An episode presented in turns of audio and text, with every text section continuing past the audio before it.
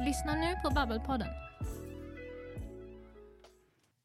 Babbelpodden kommer vi att prata upp kulturnattprogrammet som kommer att arrangeras på lördag. Det är en tradition så långt tillbaka. Och eh, det kommer ju vara aktiviteter i centrala eh, Karlshamn under hela lördagen.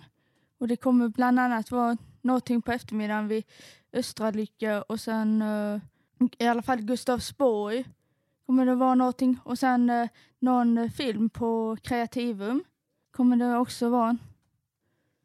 Och det kommer också vara program på Folkets hus från klockan 18, står det här, med lite olika musikunderhållning och lite för både de vuxna och för barn kommer det vara under dagen. Och det kommer att finnas utställare inom kultur, hantverk och pussel på Ekbergs auktion, Haja Blekinge, Silversmedjan, keramik och smycken, hantverk från Ukraina och så vidare. Och, och det är Vuxenskolan och Karlshamnsbostäder som har det arrangemanget. Och det kommer även vara lite aktiviteter på eh, lokstallarna i de olika lokalerna. Bland annat eh, så kommer eh, Mint teater att eh, hålla till där på eh, lokstallarna och visa den form, typen av skola. Och det kommer också vara program på Skotsbergska gården, också från klockan 18. Och Karlshamns museum kan man också, de kommer ha eh, lite samlingar och utställningar så man kan titta på det. Och även konsthallen och Punschmuseet kan man besöka Expressgården och Bildbutiken. Och det kommer ju bland annat vara lite aktiviteter eh, på torget, lite olika aktiviteter.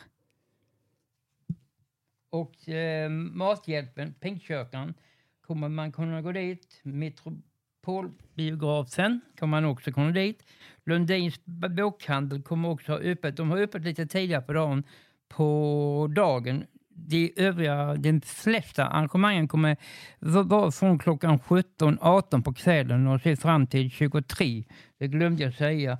Kyrkan, Carl Gustaf, har öppet för de som vill bikta sig eller göra något annat kanske roligt. Där. Man vet ju aldrig. Citygallerian har öppet från dagen också och likadant på kvällen sen. Och det kommer ju även uh, vara på på eh, ABF eh, kommer ju ställa ut för han Paul eh, Karlsson som jobbar här kommer också ställa ut lite bilder. Och eh, som jag sa, Citygallerierna nämnde jag ju tidigare. Det kom ju på kvällen mellan 17 och 19 kom en författare som heter Susanne Pelger att signera och sälja sina böcker om hästar och hussar och hundtokiga Alva. Rädda Barnen kommer att finnas också på plats. Dragspelsklubb där. Sen har vi ju inte för att glömma så kommer ju Karlshamns stadsbibliotek vara öppet på både dagen och, och kvällen också och ha med olika aktiviteter. Och jag kan ju säga att böljelek kommer ha något, det är ju det som ligger på torget. Och Flaggenhuset så kommer det, den dagliga verksamheten affären affären eh, ha öppet och sälja sina alster som de tillverkar.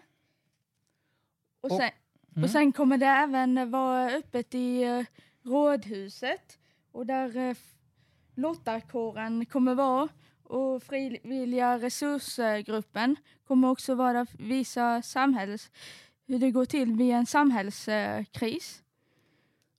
Och sen kan jag säga att Hessel, Inseltunneln heter den, de kommer ju ha kulturnattsljus och det kommer ju bli lite senare på kvällen när allting eh, blir mörkt. Och längs neon har ju varit en kultur många, många år tillbaka. Och mellan 17.30 och 21.00 kommer det vara ljusgagatta det är ju de där lite fina, fina båtar de har. Skoterna kommer också spela där och sen är det inlämning av de här farkosterna lite senare på kvällen.